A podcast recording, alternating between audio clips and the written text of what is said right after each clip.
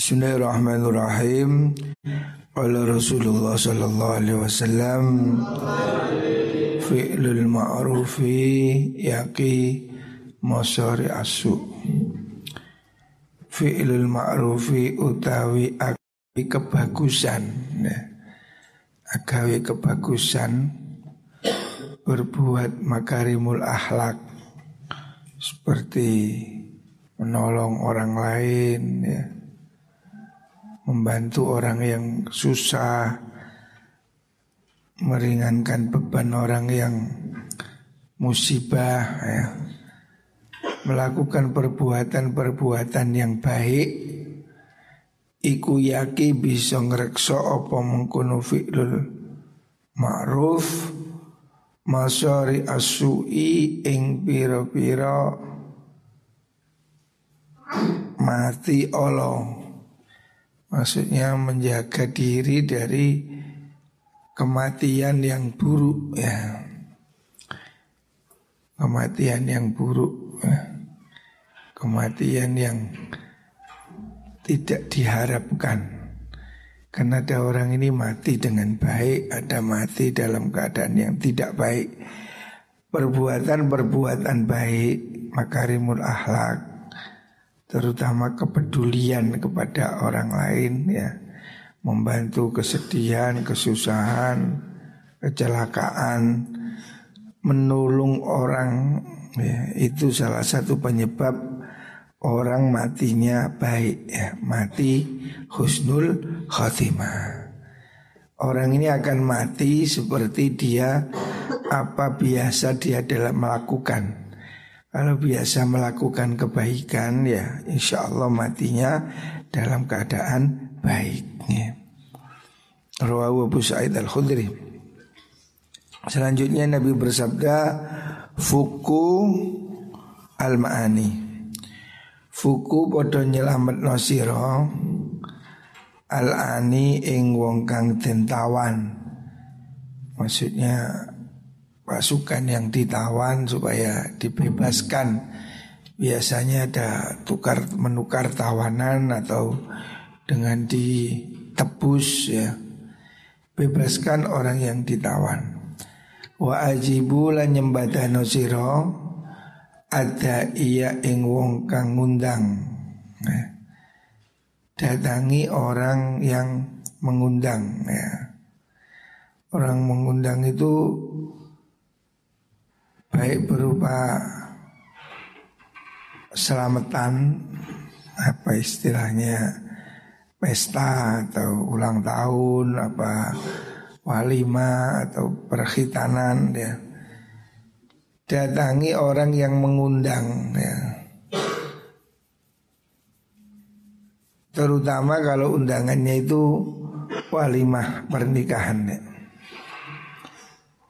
Kalau tidak ada uzur Datangi undangan walimah-walimah itu Terutama walimah pernikahan ya.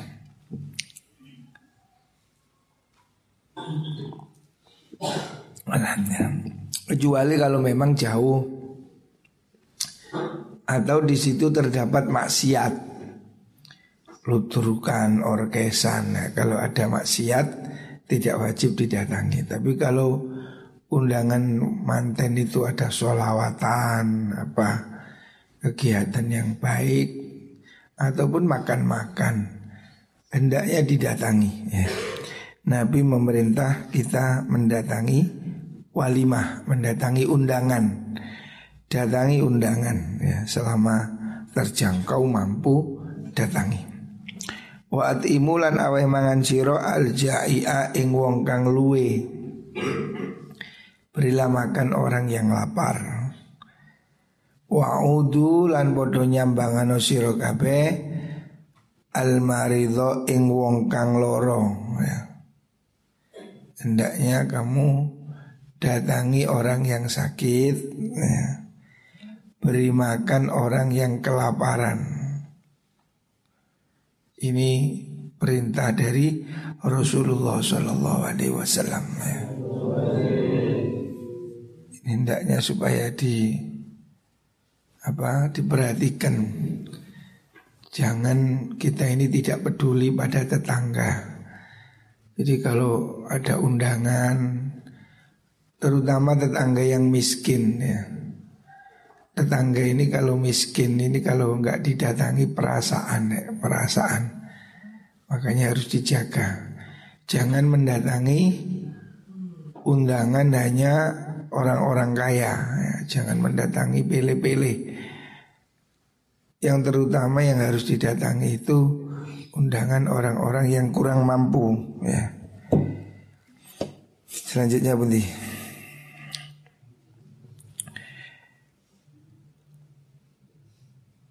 Rawahu Abu Musa niku. Fil jannati iku ing dalam swarga Fil jannati iku ing dalam swarga. Mi'atu darajatin utawi satu derajat.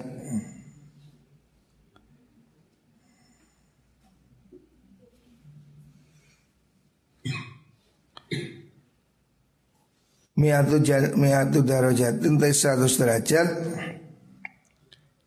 Mau te perkara baina darajata ini baina kuli darajat ini kang antarane derajat luru Iku kama kaya perkara bena sama kang ing dalam antarane langit wal ardi lan bumi. Wal firdausu ta swarga firdaus iku a'laha luwe luhure jannah Suarga firdaus itu Suarga yang paling elit nah, Yang paling VIP Wa min halan iku saking jannah. Saking firdaus Taf tufajjaru dan ile akan Opo anharul jannati piro-piro Kaline suargo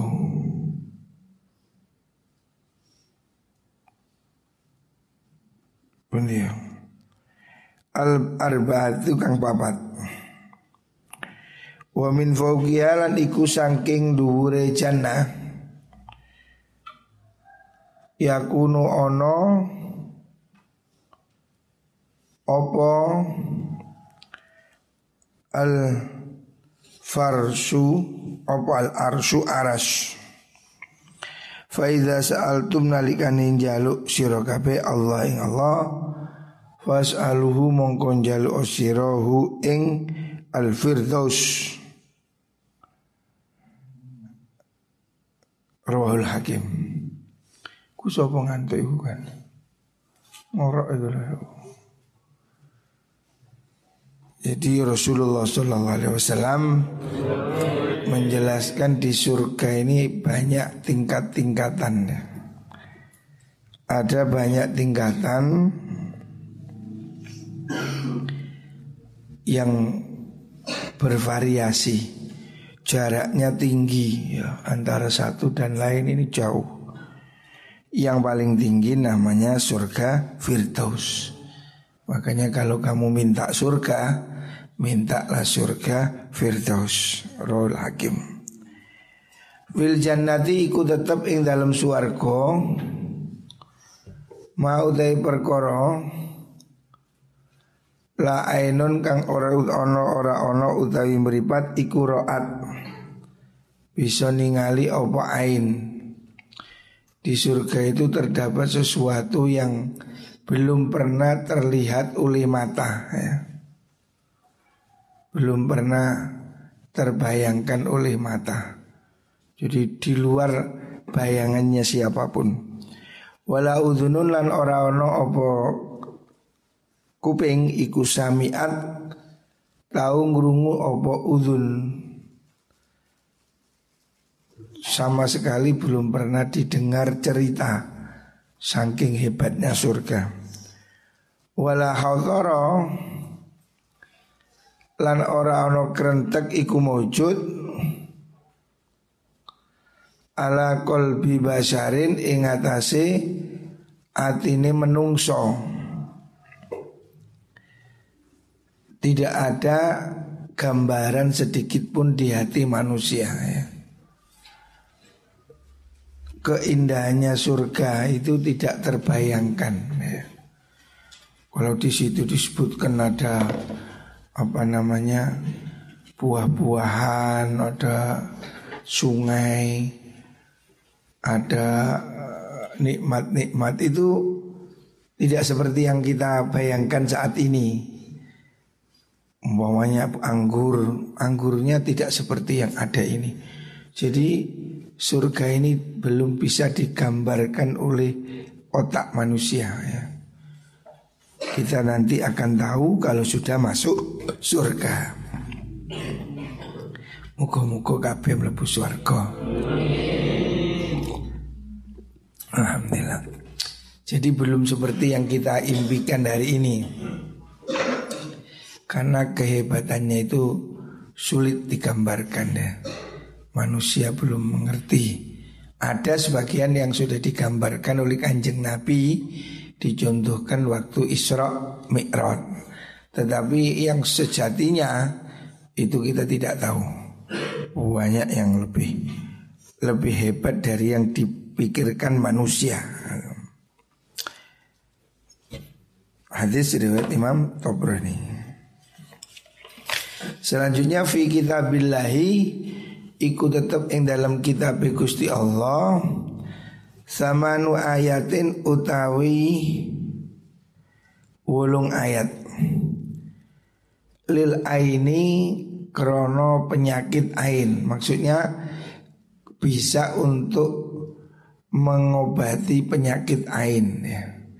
Penyakit ain ini sejenis sihir Al-Quran itu ada ayat yang bisa mengobati penyakit ain atau sihir Yaitu Al-Fatihatu Rupani surat Fatihah Wa ayatul kursi lan ayat kursi Dua ayat ini sangat berfaedah untuk melindungi diri deh. Rasulullah Shallallahu Alaihi Wasallam dalam beberapa riwayat tentang keistimewaan surat Fatihah ini. Surat Fatihah ini untuk semua hal ya. Karena Al-Quran ini kalau diringkas itu ada di Fatihah. Fatihah itu kalau diringkas ada di Bismillah. Bismillah kalau diringkas jadi huruf ba, bi karena aku Allah ya. Jadi dalam surat Fatihah ini terdapat keistimewaan-keistimewaan. Termasuk yang sering disebut untuk doa semua hal. Kalau kamu ada hajat, keinginan, mohon pada Allah, baca surat Al-Fatihah. Berapa kali? Ini tergantung ulama memberikan banyak ijazah keifiyah cara baca Fatihah. Ada yang Fatihah itu diulangi pada iya karena budu wa iya karena. Jadi baca Fatihah Iya karena butuh iya karena stain diulangi tujuh kali. Di situ memohon Iya karena butuh padamu Hanya padamu kami menyembah Wa iya karena stain Hanya padamu kami mohon pertolongan Kamu berdoa di situ Iya karena butuh iya karena stain Iya karena butuh Wa iya karena stain Diulangi tujuh kali Di situ kamu mohon Ya Allah saya minta ini Ya Allah saya minta obat Minta kesembuhan, minta apa kemudahan, umpamanya berdagang, baca surat Fatihah. Bacanya kalau mau lebih banyak lebih baik. 100 kali. Ada yang bacanya 111 kali. Ada yang baca 313 kali. Itu jumlah-jumlah yang di apa sugestikan. Jumlah ganjil 113, 111, ada yang 313 baca Fatihah. Orang dahulu itu dungone sekake-ake, dungone bahasa Jawa terus ditambahi Fatihah. Jadi dungo-dungo ulama kuno itu banyak yang bahasa Jawa. Saya dulu sering masih dapat ijazah dari kiai-kiai dungo bahasa Jawa. Tungo aji-aji bahasa Jawa. Memang orang dahulu itu tidak banyak pinter bahasa Arab, tapi yakin. Ya salah satunya itu doa itu mesti diakhiri dengan la ilaha illallah Muhammadur Rasulullah. Terus Fatihah. Orang dahulu itu sedungune ngono bahasa Jawa la ilaha illallah Fatihah. Tapi manjur ya. Banyak doa-doa Jawa itu yang luar biasa. Orang dahulu itu sakti-sakti keramat ya wiritannya yang mayoritas ya Fatihah itu. Tapi mereka memang istiqomah ya Fatihahnya itu banyak. Jadi kalau kamu mau setiap hari kamu buat sendiri Fatihah 70 kali, 100 kali, 111 kali. Ada beberapa orang dijazai ayah saya Fatihah 100 kali. Ada orang dijazai kakek saya 113 kali. Ada yang dijazai 313 kali. Jadi melihat orangnya Siapa yang mampu lebih banyak Lebih baik. Tapi yang jelas Fatihah itu Kata Rasulullah Sallallahu Alaihi Wasallam Al-Fatihah itu lima kuriat lah. Fatihah itu berfungsi untuk apa pun niat yang dibacakan Fatihah. Jadi kalau kamu minta sembuh, sakit Baca Fatihah aja sudah. Ya Allah minta diberi sembuh Fatihah Ya Allah minta diberi sehat. Ya Allah minta diberi kuat. Apa pun dengan berkahnya bacaan surat Fatihah. Ayat kursi juga. Ayat kursi itu ayatul hifzi Ayat perlindungan. Terutama pada akhirnya Ayat yaitu Wala ya'uduhu huwal aliyul adim. Jadi kalau baca ayat kursi Akhirnya ini diulangi Apa tujuh kali atau 70 kali. Wala ya'udhu hifdhuhuma wa huwal aliyul azim. Tidak memayahkan Gusti Allah. Sama sekali tidak merepotkan Allah. Hifdhuhuma menjaga langit bumi. Langit bumi ini dalam genggaman kekuasaan Allah dan tidak sama sekali memayahkan Gusti Allah. Gusti Allah itu tidak sedikit pun capek gitu. Wala ya'udhu hifdhuhuma wa aliyul azim. Hadis itu diulangi berapa kali khususnya kalau untuk berkaitan dengan sihir.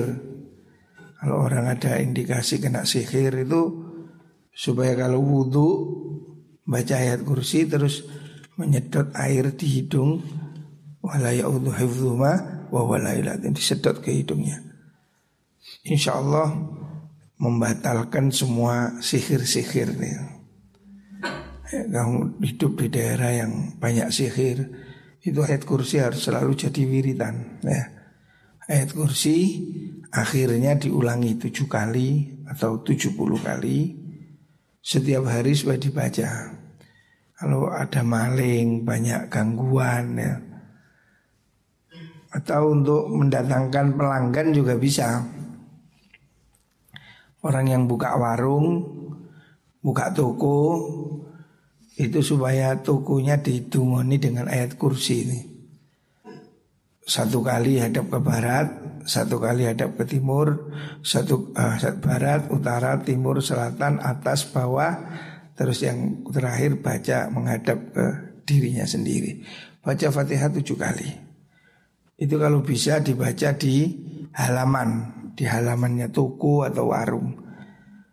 Ini gunanya untuk mendatangkan pelanggan juga untuk menolak sihir. Nah, kan kadang ada toko tiba-tiba gak laku, warung tiba-tiba mampet. Nah, orang orang warung ini kadang saling serang ya, saling sihir ya. Nah, salah satu tamengnya ya ayat kursi itu. Baca ayat kursi di depannya setiap malam atau setiap kalau bisa di halamannya yang tidak tidak tertutup oleh atap ya. Dulu ayah saya mengijazai begitu baca ayat kursi di halaman yaitu untuk menolak sihir, menolak penyakit, menolak apa namanya musibah ya. Jadi orang yang punya toko, punya warung, punya rumah itu ditumbali dewi. Baca Fatihah, Zat kursi ada barat, utara, timur, selatan, atas, bawah, terus hadap dirinya. Minta pada Allah. Apa yang diminta? Oh, minta mendatangkan pelanggan ya atau minta menghilangkan maling nah, itu bisa juga dibaca di kebun supaya tidak dicuri maling ya itu dipagari dengan ayat kursi Ruwahu Dailami an Imran bin Husain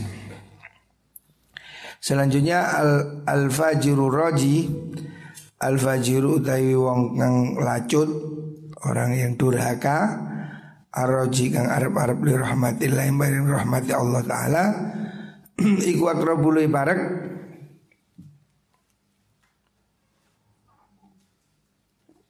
Minha sangking mengkuno rahmat Minal abidi sangking ahli ibadah Al mukniti Kang putus asa ya. Jadi orang ini jangan ada putus asa Jangan ada rasa tidak berharga di depan Allah manusia sebesar apa pun dosanya ya.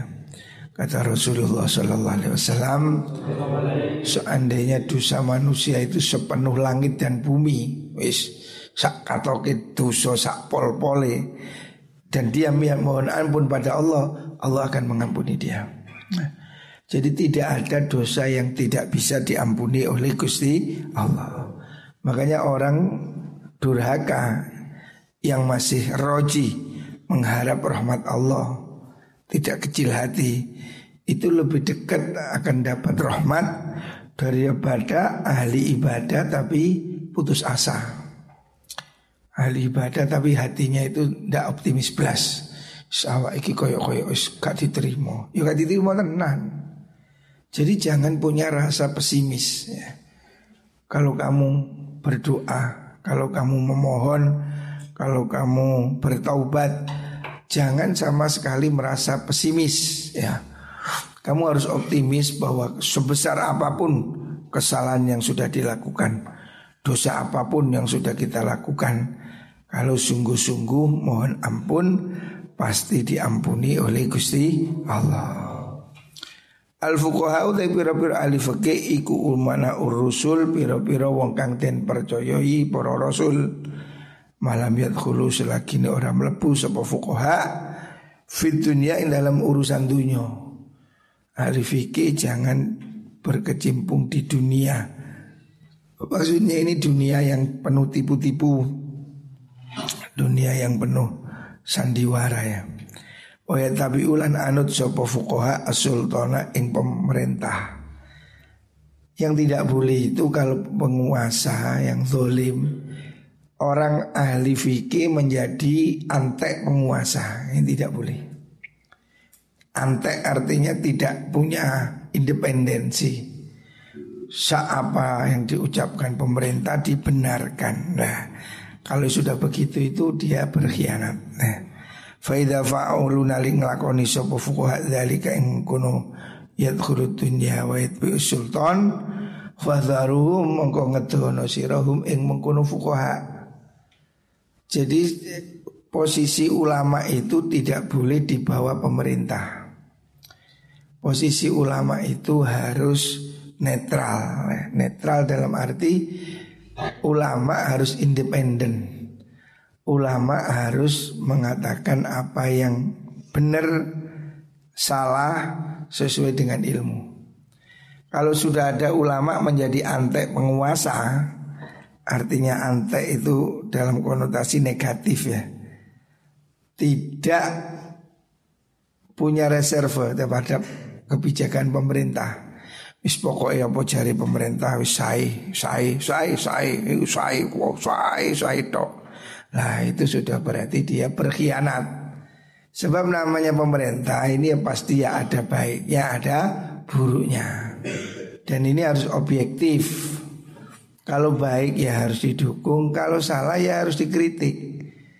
Tetapi caranya, nah ini yang penting. Pemuasa itu tidak boleh dicaci maki, tidak boleh di apa namanya dihina.